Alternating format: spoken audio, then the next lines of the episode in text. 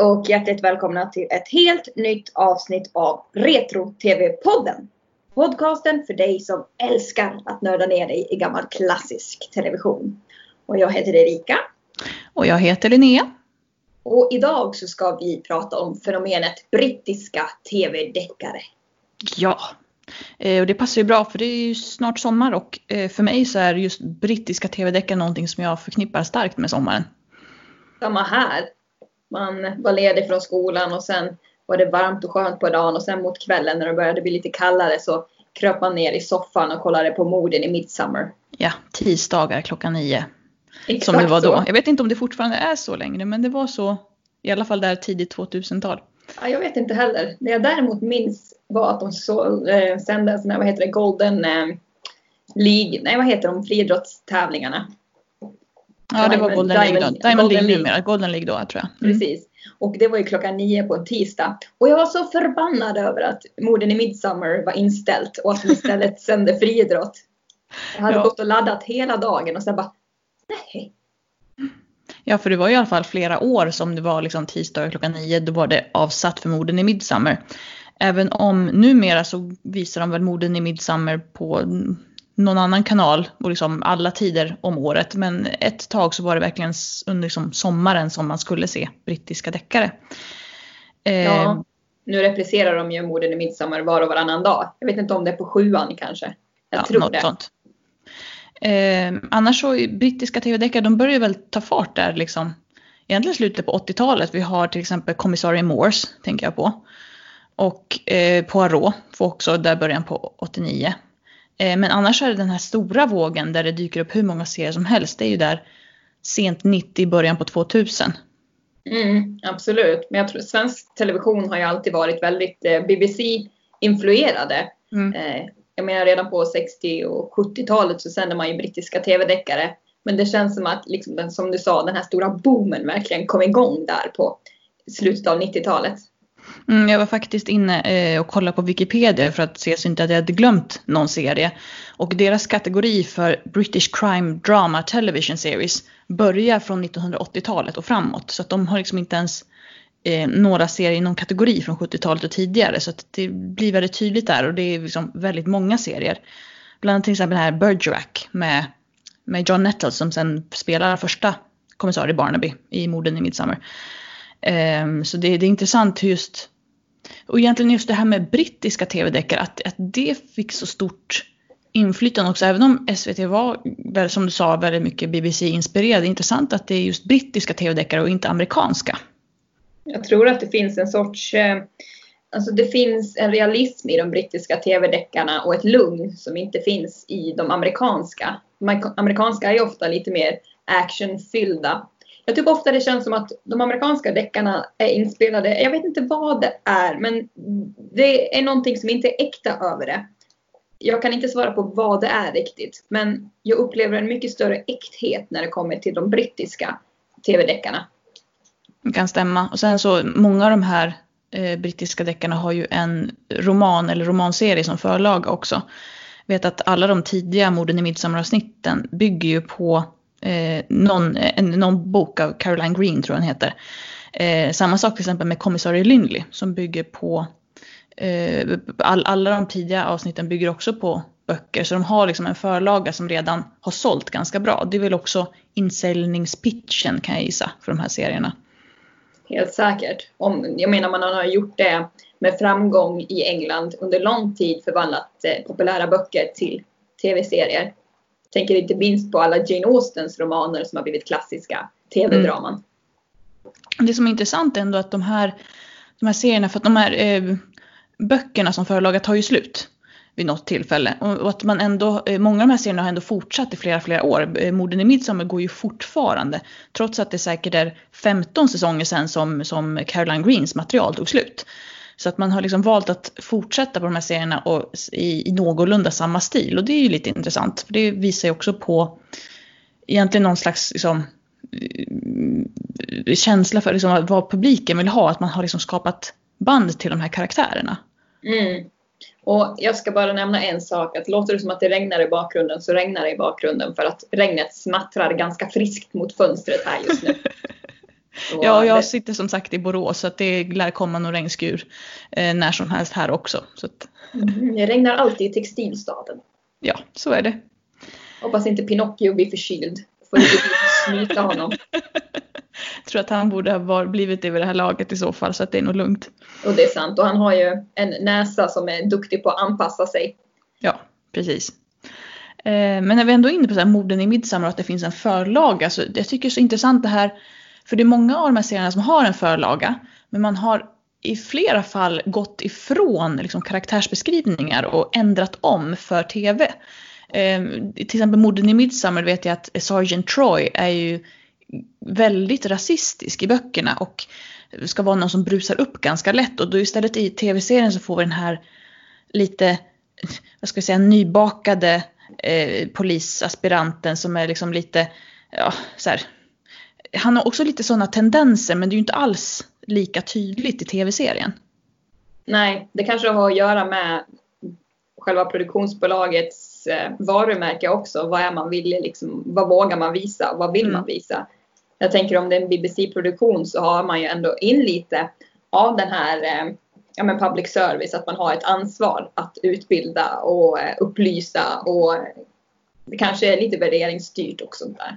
Är möjligt. Samtidigt så har man ju fått in John Nettles som, alltså, som var känd från Bergerac. Så man har egentligen redan eh, där tänker jag mig att man hade kanske kunnat våga dra, dra på det lite när det gäller andra karaktärer. För man hade redan en som välkänd och, och omtyckt skådespelare i huvudrollen. Men det, det är precis som du säger att man, mm, det som fungerar i en bok blir ofta inte lika bra på tv. Nej men precis. Vilket år började morden i Midsommar sändas? Har vi sagt det? Jag tror att den börjar 97. Mm. 97 eller 99, men jag är rätt säker på att det är 97. Eh, om inte annat tänker jag på hur, hur deras frisyrer och kläder såg ut i de första avsnitten så är jag rätt säker på att det är runt 97 snarare än närmare 2000. Eh, och den som sagt fortsätter ju till än idag. Ja, sen kanske inte med riktigt lyckat resultat. Jag är inte alls förtjust i de nya avsnitten av morden i Midsommar. Nej, det är väl det som är risken när man går ifrån, eh, när det inte längre finns något bakgrundsmaterial att ta av. Eh, och när också eh, skådespelarna som är med från början väljer att sluta för då finns det inte riktigt längre kopplingen till originalverket. Så att det utvecklas ju till någonting helt nytt. Vilka huvudpersoner har vi i morden i Midsommar? Vi har ju Barnaby. Ja, Tom Barnaby och hans eh, fru Joyce. Eh, Sergeant Troy, han Daniel Troy? Nej, Han heter Troy i alla fall. Gavin de- Troy. Ja just det, Gavin jag. Ja, de, de, Daniel Casey heter skådespelaren, så är det. Mm. Eh, hans, sergeanten byts ut lite då och då. Eh, sergeanten, sergeant som man säger på engelska. Så först är det då Medarbetare kan vi väl Ja. säga. Detective Sergeant eh, Troy, sen kommer det Detective Sergeant Scott och den sista som jobbar tillsammans med Tom Barnaby är då Detective Sergeant Jones, Ben Jones. Oh, Eh, alltså jag alltså- gillade Jones. Ja, men Ja. väldigt, väldigt bra. Men det är väldigt... Det var ju också för att de två tidigare liksom, konstaplarna, vad man ska kalla dem för, var ju lite... ja, ja, Troy då som var väldigt, väldigt grön och också drog lite förhastade slutsatser hela tiden. Och Scott som, de ville då göra en kontrast som inte drog jämnt med Barnaby. Så kom Jones som var lite mer, också lite här, hade tendens att, att liksom gå, gå saker i förväg men ändå var lite mer som Barnaby kanske. Mm. Så det är kanske lite bättre relation där. Men sen har vi också Barnabys dotter Callie. Ja, just det. Eh, och det som är så intressant också att eh, eh, så fort Callie dyker upp i serien så händer ju ett mord liksom, i närheten. Ja, just det.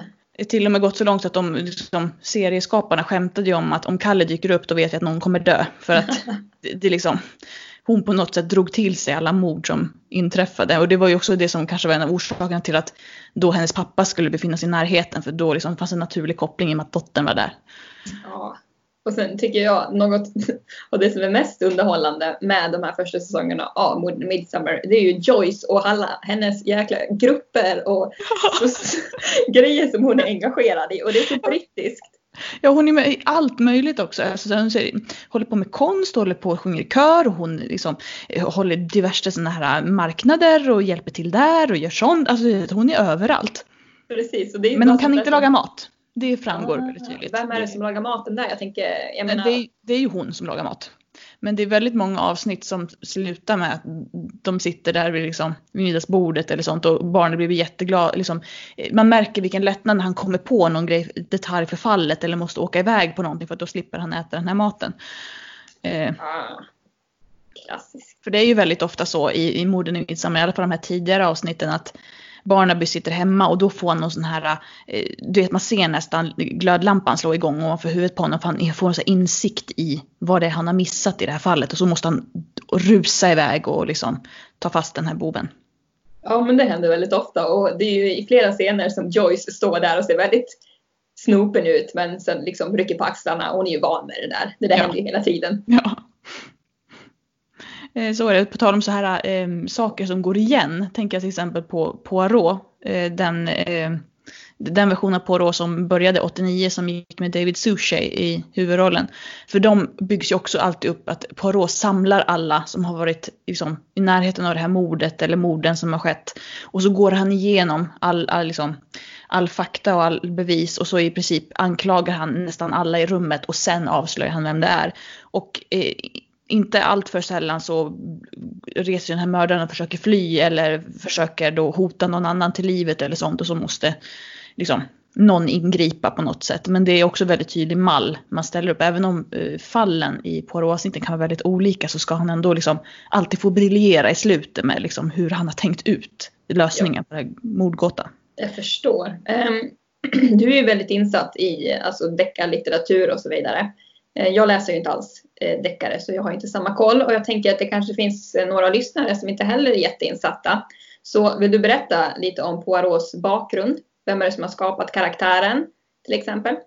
Ja, det är ju eh, Agatha Christies, kanske eh, den stora brittiska deckardrottningen, hennes mest, eh, mest kända eh, detektiv som hon har. Hon har ju även skrivit Miss Marple-böckerna som också har blivit eh, flera olika serier och filmer. Ehm, och henne, just Hercule Poirot då som är huvudrollen, han är en liten belgisk eh, detektiv, väldigt så här, noga med att allt ska vara rent och hygieniskt, han har en liten mustasch. Eh, som har liksom på något sätt tror, tror liksom i den moderna världen lite på något sätt blivit lika viktig kanske som Sherlock Holmes. Det här man tänker på vem som urtypen för en detektiv. Eh, och just David Suchet och den här serien är ju känd för att han, eh, han spelade ju in alla eh, Poirot eh, händelser eller Poirot-böcker som eh, Agatha Christie skrev. Så han har faktiskt gjort rubbet. Eh, det, det är något enskilt, eh, någon novell som han inte har filmat in, men den har han gjort som radioteater så han, han anser att han har gjort liksom allt som finns om Poirot. Det är ju väldigt häftigt och det här var väl under en ganska lång period om man Ja, tittar det första ja, avsnittet och det sista. Jag tror första avsnittet, första avsnittet vet jag sänds 89 och det sista, det måste, det, det rätt så nyligen så det måste vara runt 2014, 2015 någonting tror jag. Och han på något sätt blev ju rollen. Eh, man brukar ofta klaga på om man, om man läser mycket böcker och sen så ser man en film eller tv-serie som bygger på en bok att oj vad de har gjort om och den här personen känns ju inte alls som det, liksom, den personen jag har läst om. Men i just det här fallet så känns det nästan som att man har liksom, man läser om Poirot och sen ser man honom exakt som han ska vara på tv. För att han har verkligen läst in sig på exakt hur Poirot ska vara. Och på något sätt så har ju han, i och med att han har gjort den rollen över nästan 30 år så har han ju blivit så otroligt förknippad med den rollen att det, är- det är svårt att se någon annan göra den rollen nu. Men vi har ju fler sådana exempel, just det här hur man ändrar från boken till tv-serien. Eh, för att tänka på just den här kommissarie Lynley. För den gick Mm. ju tidigt 2000-tal, eh, böcker av Elizabeth George. Mm. Och det vet jag att det var så otroligt många som var så upprörda över att både Lynley och hans då assistent Havers, att de inte alls ser ut som de gör i böckerna. Ja, precis, Lynley, han ska väl vara blond va? Mm. Ja, eh, och Lynley är en sån här överklass eh, snubbe som eh, ja, ändå jobbar som kommissarie och löser mordfall och, och Havers kommer från en slags arbetarklass beskrivs i böckerna som väldigt liksom, lite överviktig, klär sig i dåliga kläder, kedjeröker. Ja, ser ut som att hon inte har duschat på flera dagar, lite så. Mm. Och så väljer de då Sharon Small att spela Havers i tv-serien. Och hon, hon är ju väldigt liksom liten och nätt och rätt liksom söt ändå.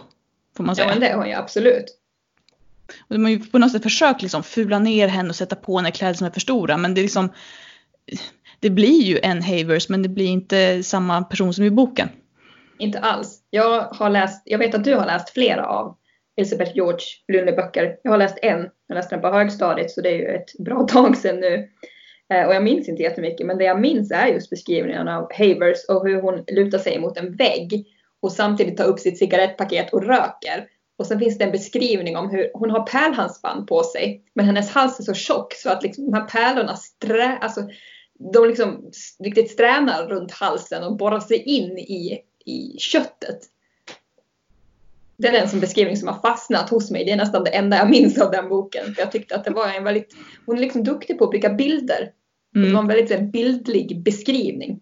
Ja, Elizabeth George är ju, om man, om man kollar på hennes första bok om Lindley som heter Pappas lilla flicka och sen tittar man liksom, framåt, framåt och ser liksom hennes senaste böcker. Jag kan säga att Pappas lilla flicka är ju en knapp tredjedel av de senaste böckerna. Mm. Och det är delvis för att det är så otroligt mycket beskrivningar av hur rum och saker ser ut och hur personer ser ut och hur de beter sig. Så att det, hon är väldigt bra på det men det går nästan lite till överdrift. Mm. Men det är intressant också för att du, både du och jag vi håller ju på och skriver för nöjes skull. Du har ju till och med gett ut en bok, Milton. Eh, ja, barnbok 9 till 12 år. Läs den om ni inte har gjort det. Där fick jag lite gratis reklam nu, superbra. Ja, det är klart. Det är klart, man måste ju utnyttja situationen. Ja, eh, men i alla fall, eh, och vi är ju med i diverse författarforum och skrivforum och sådär. Och man får ju alltid rådet nu för tiden att liksom skala ner, skala ner, skala ner, skala ner, undvik beskrivningar, liksom lämna så mycket som möjligt till läsaren. Mm. Och Elizabeth George är ju precis tvärtom. Mm. Eh, och funkar bra. Eh, men det som var så intressant just när de gjorde Lindley till, till tv-serie det är ju det att den här kritiken mot att de inte såg ut som de skulle den dog ut ganska fort. För att just tv-serien är väldigt, väldigt välgjord. Den är extremt välgjord och eh, jag tycker att det här har ju egentligen inte heller med böckerna att göra men i tv-serien så finns det ju väldigt stark kemi mellan Havers och Lindley. Mm. Ja, inte ovanligt att man ser så här internetforum och sånt där folk önskar att de ska bli ett par. Eh, och, och, och, önskar livet ur Helen som är då eh, Lindleys eh, fästmö och senare fru. Eh, hon dog väl i serien? Hon blev väl ihjälskjuten? Ja, hon, hon dör i böckerna också. Så att, mm. Eh, ehm, men det liksom så intressant på något sätt för folk såg det som ett ypperligt tillfälle för att, liksom, för att Haver ska liksom, kunna flytta in i den här jättefina villan i Belgravia. Eh, oh, och, Belgravia! Mm, precis. Oh, eh, nice. Mm, precis. Eh, och det, det, nej, det, det, jag förstår för skådespelarna har kemi men det, det går emot allt vad, vad rollerna ska stå för och liksom hela, eh, hela ja, båda Ja men absolut. Och jag, he jag hejar ju verkligen på Lindley och Havers. Jag kommer ihåg när vi eh, satt, de sände det här på lördagar tror jag efter Melodifestivalen. Eh, för jag har för mig att du och jag och sen våra två eh, kompisar vi eh, brukade kolla på Melodifestivalen och skratta åt allting och sen efteråt så gick det kommissarie Lindley. Mm. Och eh, då vet jag att vi hade ganska livliga diskussioner om det. Jag var liksom pro Lindley Havers och du bara nej, nej, nej, nej, nej, så här är det inte i böckerna. ja, nej, nej, men ja. Nej men Lindley är så här, jätteöverklass, han är väl till och med, han är väl någon slags earl av något slag. Mm. Och har butler och hela den biten. Havers som ska vara så här jätte, jätte alltså väldigt tydligt arbetarklassarketyp och sen mm. inte, där, därmed inte sagt att inte Romeo och Julia berättelser brukar fungera annars men just har man boken med sig i bakhuvudet då finns det liksom inte en chans att det skulle kunna ske för att Lindley skulle aldrig någonsin bli kär i henne liksom. Eh, men man ska väl ta tv-serien som, en, som ett eget verk i och för sig. Mm.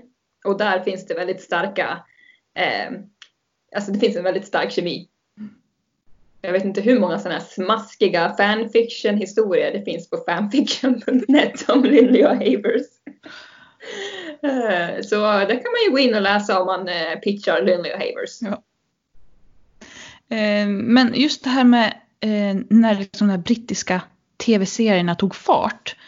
Eh, för som nämnde, vi nämnde ju kommissarie Morse som sen också har liksom gett upphov till två andra serier. För sen kom ju kommissarie Lewis i början på 2000-talet. Ja, där man följde liksom hans eh, assistent som efter att han hade blivit befordrad till kommissarie. Och nu på 2010-talet så har vi även sett eh, Endeavour, den som kallas för Unge kommissarie Morse i Sverige. För, Just det.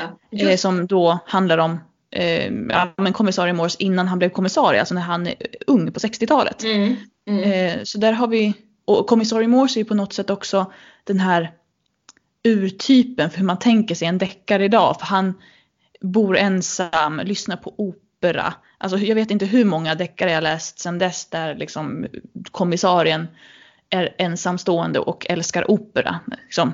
Ja. Wallander är ju en sån typ. Han älskar ju också opera. Så det känns Mm. som att, jag vet inte om det finns någonting innan, men just kommissarie Morse på något sätt har blivit den här, det man ska eftersträva. Ja, ja men precis.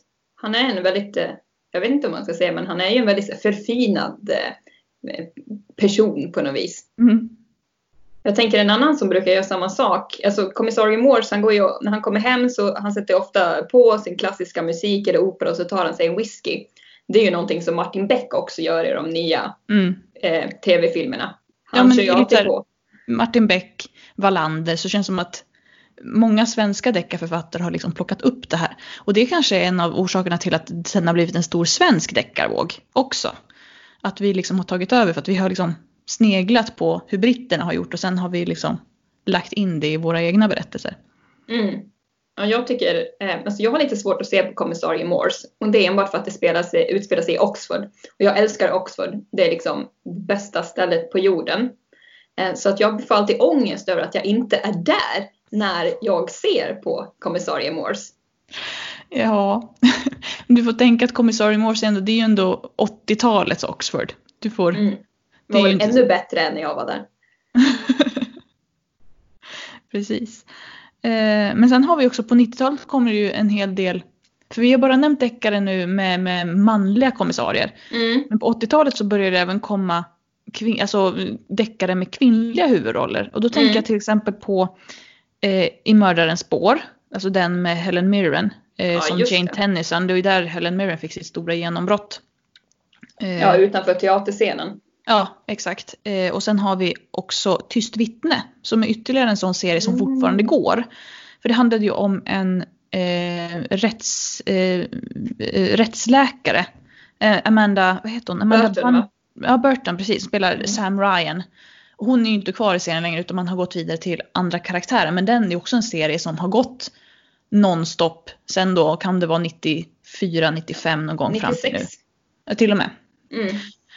Ehm, Nu är det Emilia Fox som är eh, ja, den här. Mm. Och hon är ju, alltså Emilia Fox är ju, hon är verkligen född ur den brittiska skådespelartraditionen. Mm. Båda hennes föräldrar är ju skådespelare. Tror Ja, hennes bror hennes, hennes, hennes bror spelar ju eh, kommissarie Lewis assistent. Mm. Kommissarie Lew- eh, Lawrence Fox heter han. Så det är ju verkligen sån eh, skådespelardynasti i Storbritannien. klart. Jag menar, hon gjorde sin eh, debut faktiskt i Stolthet och fördom från 1900, eh, 1995. Eh, Mm. De spelar eh, Georgiana Darcy. Ja, ja. Och där var ju hennes mamma med också, eh, Joanna David. Hon spelade ju Mrs. God. Nej, hon spelade, eh, hon spelade Mrs. Bennets brors fru. ja överallt. Eh, det, det, nu blev det för många släktled för att jag ska Jo, kunna. men hon heter Mrs. Gardner, jag tänkte det. Ja, Ja. mycket möjligt. Ehm, Eh, ja, nej men som sagt så har vi det här eh, Tyst vittne och I mördarens spår och där ser vi också lite eh, just att Tyst vittne, man lyfter fram en rättsläkare och sen lite de här senare eh, krimserierna som kommer, efter, efter 2000 kommer det ju en hel hög med liksom, brittiska deckare. Och där har vi ju eh, Mord i sinnet. Där Just. Robson Green spelar en, en psykolog och som hjälper liksom, eh, till vid, vid mordfall och kidnappningsfall och lite annat sånt. Den gick nog också några år. Eh, eh, och var, lite, var framgångsrikt. Vi har ju också, jag tänker att man tog in lite olika roller. Man hade en psykolog, man har en rättsläkare. Då tänker jag på Mördare Ocean. Mm. Där har man ju ett team där alla har olika Just funktioner. Då har vi ju Mm. den här profilerare, alltså en psykolog. Mm. Vi har en rättsläkare, vi har Boyd som är mer klassisk, eh, men typ kriminalare. Ja, och han är ju en, en extrem också. Där har man ju tagit alla de här dåliga egenskaperna man gärna sätter på sin kommissarie. Liksom halvt alkoholiserad, brusar upp och så har man satt det i samma karaktär på något sätt. Så det är ju, i alla fall upplevde jag när jag såg Mördare okänd att det är ganska ofta som teamet får liksom hjälpa till och, och hålla fast honom på något sätt för att han inte ska liksom fly off the handle. Ja, verkligen. Eh, har det någon eh, bokförlag? Jag tror inte det va? Det är väl en ren tv-serie? Jag tror det. Jag har ingen vetskap om att den ska finnas i bokform. Så det, det kan vara en sån som faktiskt är skriven direkt för. Ja, precis. Ja. Där har vi också eh, ett, ett, egentligen ett par känns det som.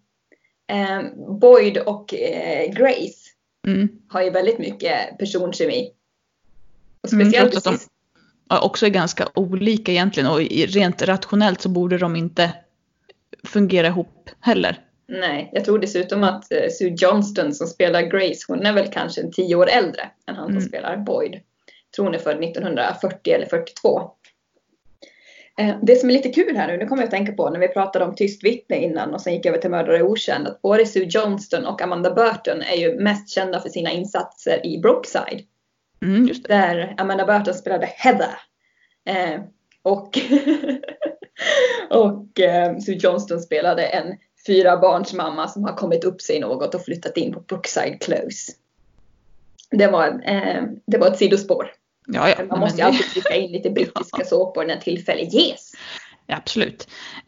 Man tänker på Mördare okänd och sen så sätter man morden i Midsummer bredvid så tycker jag att 80 och 90-tal när det kommer till brittiska tv-deckare är mycket mer så här småmysiga. Eh, alltså det är väldigt trevligt att se dem. Det är inga skrämmande brott utan brotten är lite så här Agatha Christie finurliga. Mm.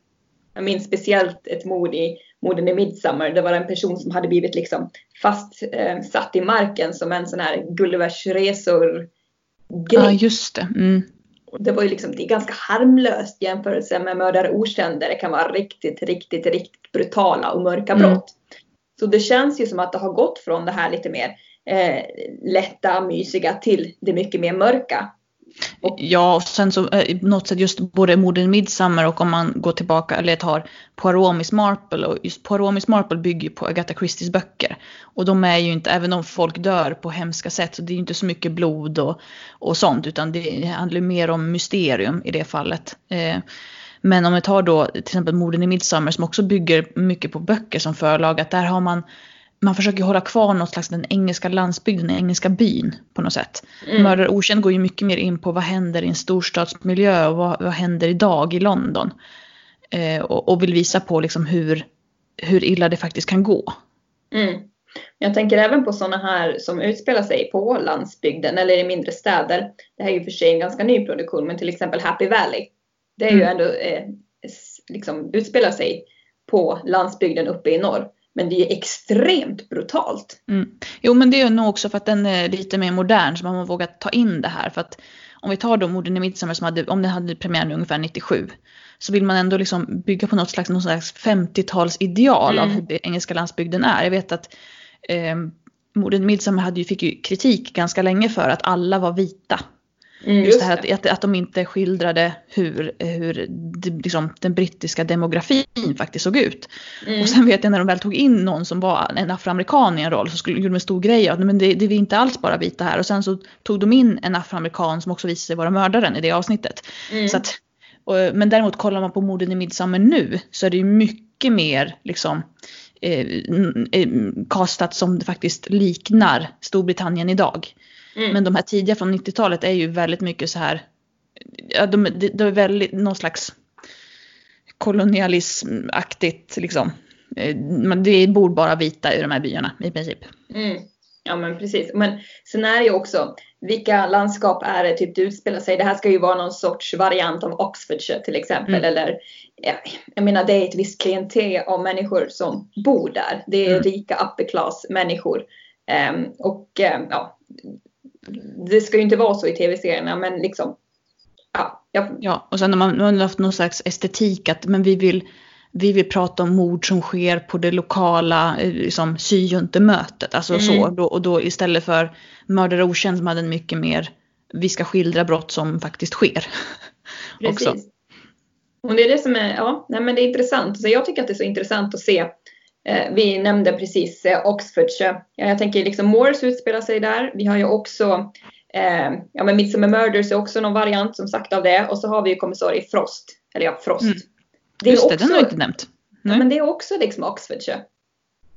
Ja, jag tror att man tänker också att det, i och med att man har universitetet och allt i närheten så finns det kanske lite större, eh, för både, eh, för kommissarie Morse kommer 87 tror jag, kanske ännu lite tidigare och eh, eh Ett fall för Frost har ju premiär 92. Mm. Det är fortfarande också så här, fortfarande i den här perioden när man, när man vill visa de här engelska, lantliga, små gulliga, alltså precis de här typen av mord, de här mer gammaldags typen av mord som mm. du tog upp.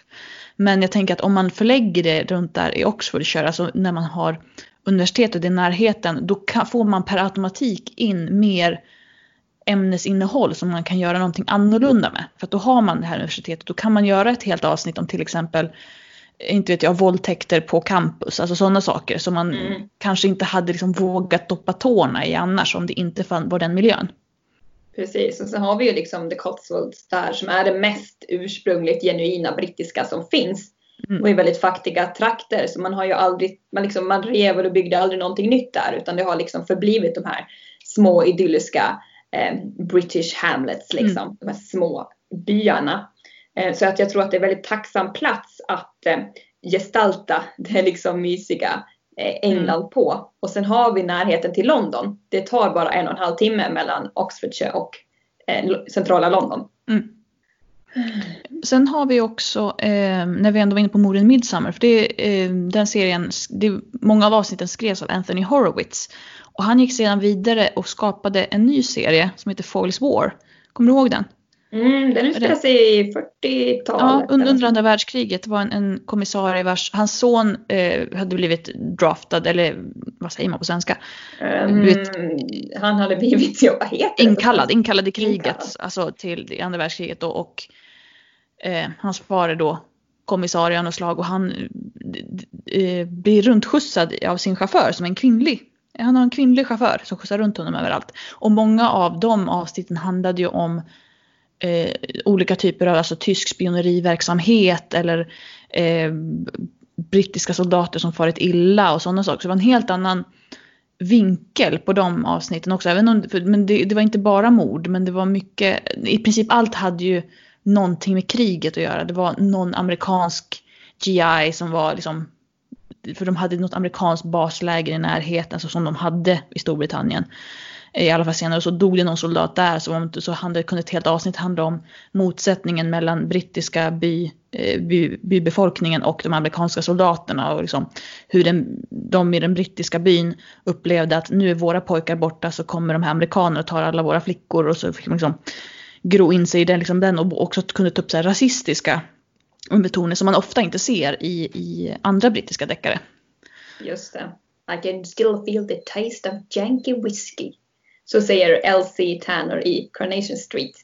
Hon var ju anklagad då för att ha för mycket samröre med de här amerikanska mm. soldaterna. Och det är väl ytterligare ett bevis på det här motsättningarna som ändå fanns mellan britterna och amerikanerna trots att de stred eh, på samma sida. Mm. Det var så intressant just att den, eh, folkspår, man fick ju följa på något sätt kriget också genom det här. Eh, även om det inte även om inte varje avsnitt handlade om liksom, amerikanska soldater eller tyska soldater eller spioneri så var det ändå det som var omgivningen det här att det var ransonering och man var tvungen att eh, man fick ut barn alltså som liksom skickades från London av sina föräldrar och massa sådana saker. Och så liksom var man med allt eftersom kriget gick också. Eh, till skillnad från till exempel för morden i Midsummer känns ju, även om de har uppdaterat och moderniserat så är det, det är ju sam, varje avsnitt handlar ju om samma sak. Mm. I princip. Du kan ju titta på vilket avsnitt som helst och det är liksom man ser på kläderna när avsnittet är inspelat och när det utspelar sig men det spelar ju ingen roll. Det är ingenting som händer i det här avsnittet som har en påverkan tre avsnitt längre fram. Nej, verkligen eh, inte. Men i Foils War så var det ju faktiskt en progression för man såg hur kriget eh, tog sig uttryck och vad som, liksom, vad som hände under krigets gång. Bara det faktum att han har en kvinnlig chaufför mm. är ju ett uttryck för att ja, men det fanns inga män för alla var inkallade ja. så då fick ju kvinnorna rycka ut och visa Mm. att de faktiskt kunde jobba. Mm, Eh, vilket är skönt. Eh, att de äntligen fick lite, fick komma utanför hemmet. Ja, precis. Ehm, och på tal om det här med liksom, deckare som utspelar sig i en specifik tid så har vi också till exempel, jag nämnde ju Endeavour innan den här unge kommissarie Morse. Eh, den är visserligen från 2012 så det är lite för modernt för den här podden. Men vi har ju ett exempel som kommer där i mitten på 2000-talet och det är ju kommissarie Gently. Det tror jag också är en, en bokserie från början. Den följer ju då kommissarie George Gently eh, som är kommissarie under 60-talet. Och där kommer det också upp massa, massa teman som just det här du tog upp också med kvinnor och, och män och den relationen och vad kvinnor förväntas och får göra och, och hur, hur polisarbetet såg ut på 60-talet och hans eh, eh, assistent eh, John Backus, tror jag, eller Backus heter han i alla fall i efternamn, är ju också väldigt, väldigt otrevlig karaktär. Så här upp, öppet så här eh, sexistiskt och allting och det är liksom det funkar just för att utspela sig i den tidsperioden. Jag vet jag såg något avsnitt för inte så länge sedan, ett av de mer nutida avsnitt, eller vad man säger, alltså senare avsnitt som gjorda säkert efter 2010. Men då handlar det om en, en prostituerad som ska anmäla en våldtäkt och då hur alla de här manliga poliserna inte tar henne på allvar för hon är prostituerad så hon bad ju säkert om det. Och liksom, så att man liksom lyckas på något sätt, man har använt den här historiska bakgrunden för att ta upp ett problem som existerar även idag. Eh, och jag tror att det är något man ser mer och mer av för de här serierna som kommer eh, i slutet på 2000 och början på 2010-talet. Eh, för att de börjar ta upp, eh, de, dels är de lite råare som du nämnde, sen när du tog upp Happy Valley som exempel.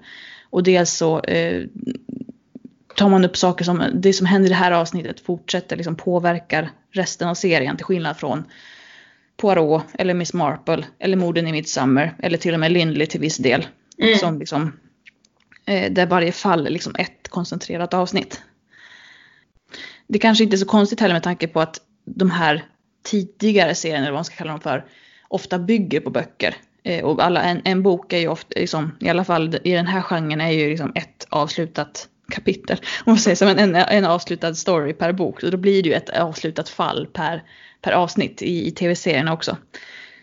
Absolut, så är det och det bidrar ju väldigt till varför det är som det är.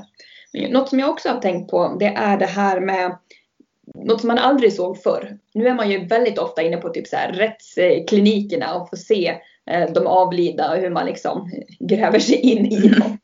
Mm. Eh, Och det, det är ju någonting som har kommit mycket, mycket mer på Ja. eh, senare dagar. Och jag vet inte om det har att göra med att liksom, det vetenskapliga får mer och mer betydelse när det kommer till DNA och eh, alltså man kan analysera i stort sett allting.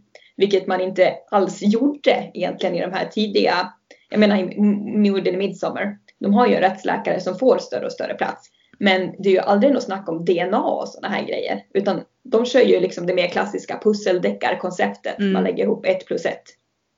Ja, precis. Det är så George Bullard som är då rättsläkaren i, i de tidiga morden i Midsommar-avsnitten. Han, det är ju snarare så att när de tar hjälp av honom så är det för att få reda på vid vilken tid dog offret och eh, den personen blev stucken med en kniv som borde ha varit 10 cm lång. Det är snarare den typen av information än det här mer, precis som du säger, mer vetenskapliga. Och det, det vetenskapliga tror jag är också en influens från, eh, från USA, från CSI-serierna.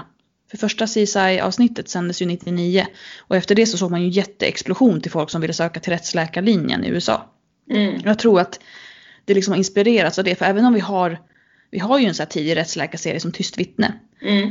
men eh, den känns ju fortfarande, i alla fall som den var då, ganska pusseldeckaraktig i, alltså man har ju fortfarande det, man följer, det är snarare så att man följer eh, Sam Ryans arbete än specifikt vad hon gör kanske. tänker det är Eh. både och. Det är lite olika från avsnitt till avsnitt. Eh, jag vet till exempel att hon genomförde, eh, det är ett avsnitt som jag minns väldigt väl. Och då var det en person som hade dött och för att få reda på den exakta dödspunkten så kunde man undersöka ögat på något vis. Skära ut någonting eller kolla på liksom hur det har stelnat eller något sånt. Men det här var en procedur som inte var eh, godkänd i England än. Så den här huvudkaraktären gick emot reglerna och utförde den här operationen, eller ja, eh, undersökningen. Och, det fick väldigt stora konsekvenser. Man fick fast mördaren och sånt där men hon blev typ avskedad för att hon hade gått emot Mm. regelverket.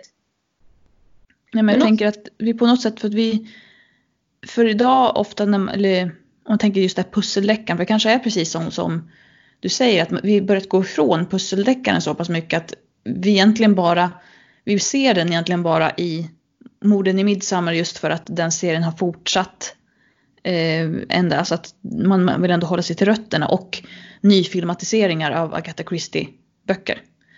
För att de flesta deckare, alltså att man går gradvis över till och idag så är det framförallt kanske eh, just mer så här att det ska vara bevismaterialet som fäller mördaren och inte, inte eh, kommissariens eh, hjärnarbete liksom. Exakt. Man undrar ju, tänk, kollar man på till exempel Miss Marple, hur mycket av den här bevisningen hade hållit i rätten? Det är ju bara observationer som hon har gjort egentligen och lägger ihop för att få fram ett resultat. Det finns oftast ingen liksom riktig teknisk bevisning som är bevarad. Eh, jag menar, det hade ju inte hållit. Nej, och det, det, är en av orsakerna till att Poirot till exempel gör sina sådana här sammankomster där han samlar in alla i ett rum för att han vill få mördaren att avslöja sig eller liksom bekänna sina brott också. För att det är som sagt ganska många fall där, eh, precis som du säger, det, allt bygger bara på observationer och på indicier egentligen. Något som jag har reflekterat över, det är att de brittiska tv-deckarna, säger man brittisk tv-deckare så säger folk kvalitet. Mm. Det känns ibland som att det spelar liksom ingen roll vad det är de sänder, bara för att det är brittiskt, oh, då är det bra. Mm. Det är väldigt ofta väldigt bra, för det är väldigt bra manus, det är ofta väldigt bra skådespelare, bra eh, scenografi, bra filmer. Alltså, det är bra, det håller ju oftast hög kvalitet, men inte alltid. Nej, så är det. Jag tänker ett exempel, eh, en serie som gick ett antal år i alla fall på 90-talet som heter Deal and Pasco. Mm. Eh, så jag, jag förstår att man uttalar så, det stavas ju Dalziel and Pasco. Och det är en så här, och just han, också det huvudrollen där som också är så här, ganska burdus och så här, det är så här, brusar upp och så, kanske inte helt politiskt korrekt. Jag vet att jag försökte titta på den här och jag fastnade aldrig för den. Så däremot så kan jag också så här, se på den rent objektivt och tycka att det här är en bra skådespelarinsats. Men jag skulle absolut inte hålla den serien i samma höga standard som mycket av det andra. Men det har just det, just det, för att det finns väl en orsak också, som vi tog upp i början, det här att man säger brittisk tv-deckare, åh då får man tanken åh det är sommar och det är det här, liksom, och liksom massa bilder, men en amerikansk tv-deckare det är mycket mer pang pang och action liksom. Precis. Um, precis, även om det börjar gå mer och mer åt det mer liksom nitty gritty mm. hållet även i England. Ja, för jag vet att det var något eh, år, eller jag tror att det kanske var något år som Morden i Midsummer-säsongen var ganska kort, att de bara hade gjort fyra avsnitt eller sånt. Så att resten mm. av sommaren skulle SVT sända, och det var någon italiensk tv-deckare. Oh. Och det funkar inte alls. Det var ju ingen som såg det där. Nej. Trots att det säkert inte var något fel på den serien egentligen, men det var ju liksom inte den typen av miljö och den typen av deckare som man liksom hade vant sig vid. Nej men exakt. Sen har vi också eh, i många av de här deckarna, alltså musiken, som gör så otroligt mycket. Eh, dels har vi ledmotivet till Poirot som är ett sånt där som sätter sig direkt och också sätter an stämningen. Eh,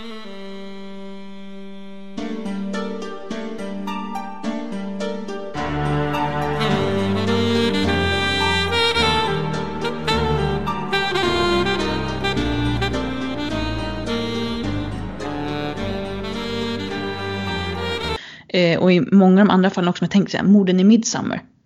Alltså att de använder en termin för att spela det ledmotivet på. Alltså det, det, det, det känns ju så obehagligt redan från början. Mm.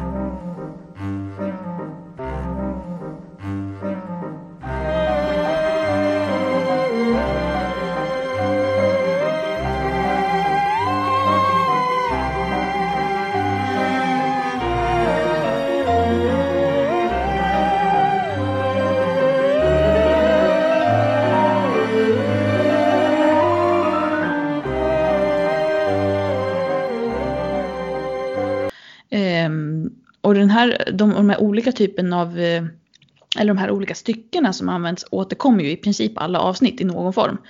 Men den känns ju verkligen jätteobehagligt. Liksom. Det där, alltså intro till morden i Midsommar, det är ju någonting som alla kan. Alltså det är så otroligt hur populär den här tv-serien har blivit i Sverige. Alltså den är ju, den är ju folkkär. Ja, det är ju inte bara Sverige utan det är ju utomlands också. Jag vet att eh, när då John Nettles skulle sluta, och de skulle, men de ville ju fortsätta serien för den gick ju så bra både i Storbritannien och utomlands. Så var det ju snack om ett tag om de skulle ta in en, en kvinnlig kommissarie. Mm. Och en av de främsta orsakerna till att det inte blev så, det var ju för att serien heter ju Barnaby i flera europeiska länder. Så det, personen var ju tvungen att på något sätt vara släkt med den förra Barnaby och tanken var väl att för att Storbritannien är ju som Storbritannien är att eh, de flesta kvinnor byter ju namn när de gifter sig. Och de ville väl säkert ha en gift man också. Då blev det ju eh, liksom Tom Barnabys kusin John Barnaby. Eh, annars hade vi, alltså om det inte hade varit lika stor utomlands och framförallt inte haft den titeln utomlands så hade morden Midsommar kunnat fortsätta fast utan en Barnaby liksom.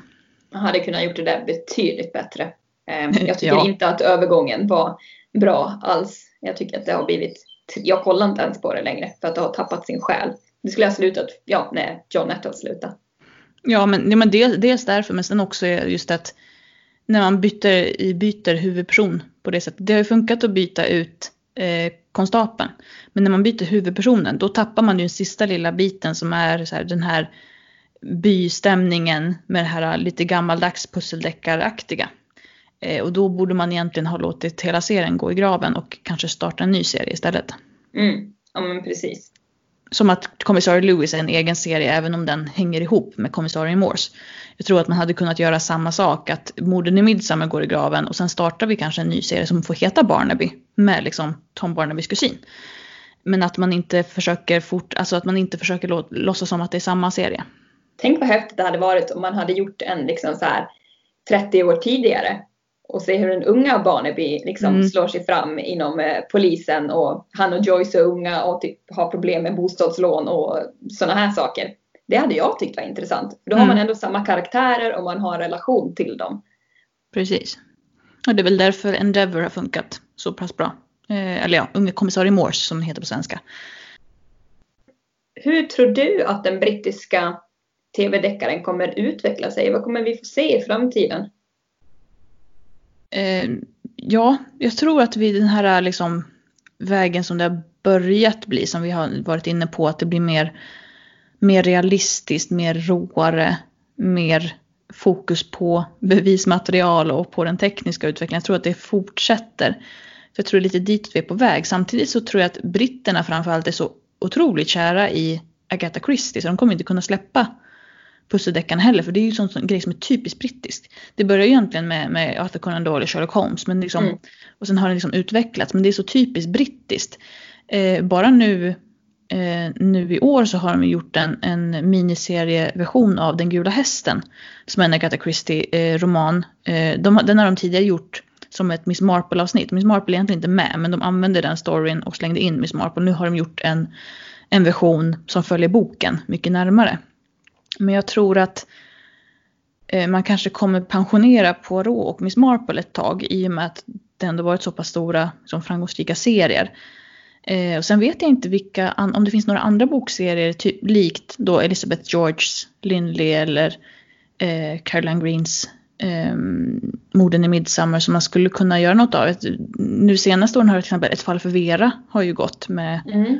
Brenda Bleffin så heter hon ja, precis. Ehm, så jag tror att det finns nog fortfarande alltid, alltid rum och plats för de här mm, alltså mer litterära deckarna. Men jag tror att det kommer nog dröja ett tag innan, innan det kommer tillbaka liksom. Mm, jag undrar ju lite så här. Jag tänker mig att Agatha Christie, eh, Morden i Midsommar, att det kanske attraherar en generation som kanske inte kommer att vara kvar så mycket längre till.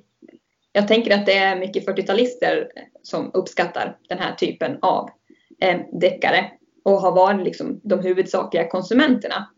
Men ju äldre de blir och ju färre de blir, alltså man kommer ju gå över till något annat. Mm. Och jag tror att man kommer fortsätta mycket på den här stilen.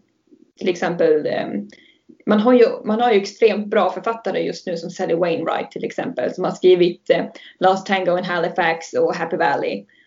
Eh, och jag, jag tror att man kommer fortsätta producera kortare och mer intensiva tv-deckare som kanske bara får en eller två säsonger och inte fortsätter i all evighet. Mm. Ja, lite som att om, Um, det är bra poäng du tar upp där med, med, med vilka det, konsumenter det är som ser vad. Eh, då tänker jag till exempel just Sherlock Holmes. Dels har det en sån här karaktär som alltid har varit älskad men man på något sätt förnyade och moderniserade den här serien med Benedict Cumberbatch som mm. gick nu 2011 eller 2012 hade den premiär.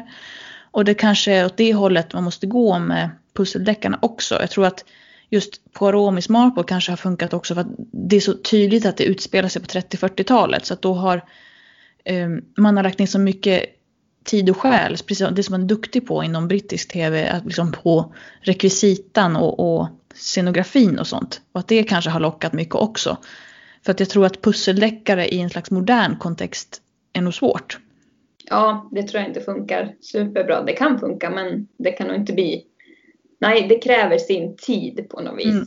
Jag tror det är därför du till exempel uppfattar att de nya morden i Midsommar inte är lika bra. För att eh, det blir någon slags pussel, eller så här, den här gamla typen av deckare i en modern miljö som inte riktigt stämmer överens. Det känns extremt fånigt och orealistiskt. Jag menar, sätt morden i Midsommar och jämför det med Broadchurch. Det är ju... Mm, ja. ja. Det, det, känns väldigt omodernt mm. helt plötsligt. Precis. Och då är jag ändå någon som gillar omoderna saker. Men jag vill ha någon sorts realism i det hela. Jag vill inte att det ska kännas som någon sorts liksom, fantasivärld i en modern värld. Utan det måste, det måste vara grundat i sin tid. Mm. Ändå på något vis. Ja, ja. ska vi låta det vara sista ordet kanske? Ja, det, vi, vi gör så. Vad ser du fram emot att se här på TV nästa? Har du någonting som du ser fram emot att se? Oj. Jag sitter ju och håller på att kolla på Snoken just nu. Mm. Eh, på Öppet arkiv. Eh, så det är nog det jag ska fortsätta med tror jag. Sen blev jag sugen nu på att se de här tidiga morden i Midsommar bara för mm. att, och, och Lindley kanske också för att nu har jag ju läst lite fler böcker så det vore kul att se hur det överensstämmer med, med, med böckerna kanske. Mm. Men det låter bra. Själv håller jag på att se på en modern serie, Mrs America på HBO och sen så har jag ju ägnat mig åt att kolla lite på The Waltons. Eh, och eh, ja, det är ingen serie som kanske faller mig jättemycket i smaken. Men det är en klassiker så jag vill ändå liksom kolla upp den och se en del avsnitt för att bilda mig en uppfattning. Bra, men då tackar vi väl för idag. Och är det så att ni tycker om den här podden så får ni jättegärna gå in på Facebook och gilla oss där och eh, skriv gärna dina tankar och funderingar och starta gärna små diskussioner kring dina favorit eh. Eh, och ni är också varmt välkomna att prenumerera på oss så att ni får upp varje nytt avsnitt direkt i er telefon. Ja, och med det så tackar vi för oss och så återkommer vi med något helt annat. Det gör vi. Hej då!